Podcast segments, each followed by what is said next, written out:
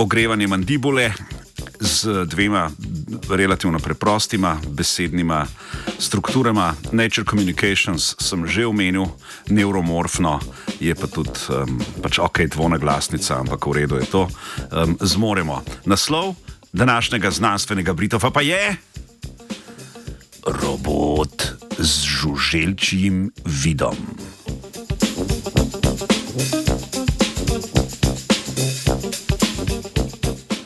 Ena ključnih sposobnosti letečih žuželk je izmikanje oviram. Pri prilagajanju hitrosti glede na bližino ovire in sprotnem iskanju vrzeli med objekti se zanašajo na zaznavanje gibanja slike.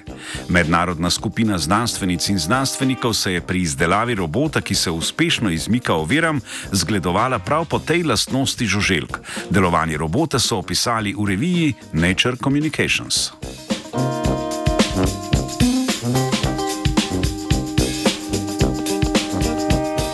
Izdelani robot se je premikal na gosenicah, okolico pa je zaznaval z neuromorfno kamero.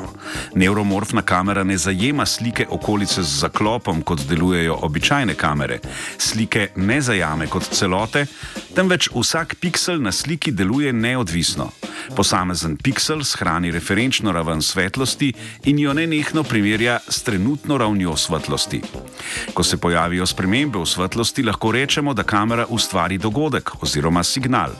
Kamera tako iz vsakega piksla pošilja signale v obliki električnih pulzov do procesorja, kar si lahko predstavljamo kot potovanje akcijskega potencijala od očesa do možganov.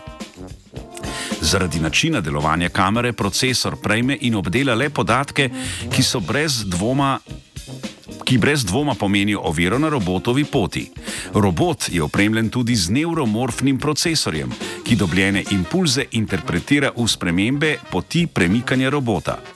Neuromorfni procesor vsebuje detektorje za obdelavo podatkov, pridobljenih v obliki pulzov, pa uporablja nevronske mreže. Tak sistem kamere, detektorjev in procesorja omogoča hitro obdelavo podatkov, hkrati pa je energetsko zelo varčen.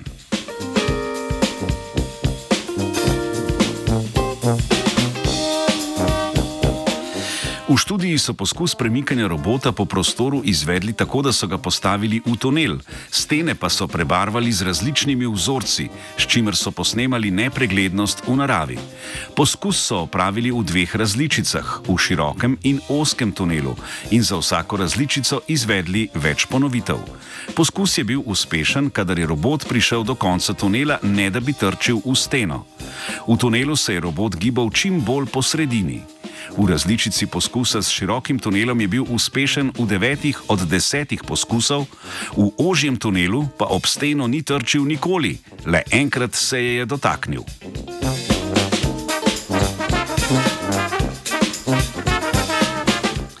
Gibanje robota so preučili še v simulaciji. Tokrat se je virtualni robot na gosenicah v navideznem okolju premikal po podobnem hodniku, le da so na njegovo pot postavili različne ovire, okoli katerih je moral navigirati.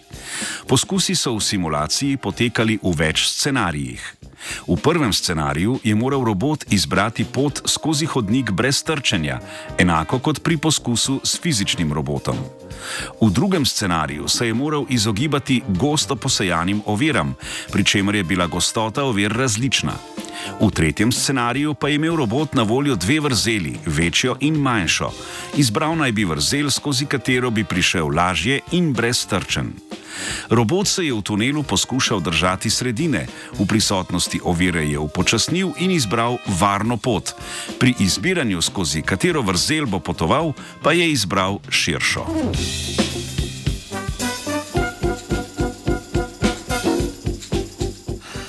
V simulirani različici poskusa so znanstvenice in znanstveniki zabeležili 97-odstotno uspešnost potovanja brez trčenja. Ta uspeh pri izmikanju oviram je raziskovalna skupina pripisala uporabi z žuželkami navdahnjene regulacije hitrosti. Žuželke namreč prilagajajo hitrost, da bi se izmaknile oviram, to pa je počel tudi robot v simulacijah. Pri robotu sta sicer zaznavo in obdelavo podatkov opravila neuromorfna kamera in procesor. Za prihodnje študije si raziskovalci želijo poskuse izvajati tudi v naravnih okoljih, kar pomeni, da se bo robot moral znajti v zahtevnejših scenarijih.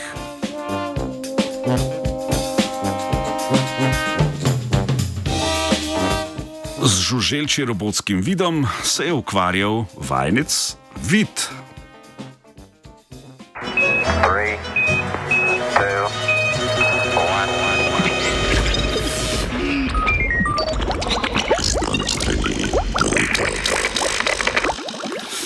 Evo ga,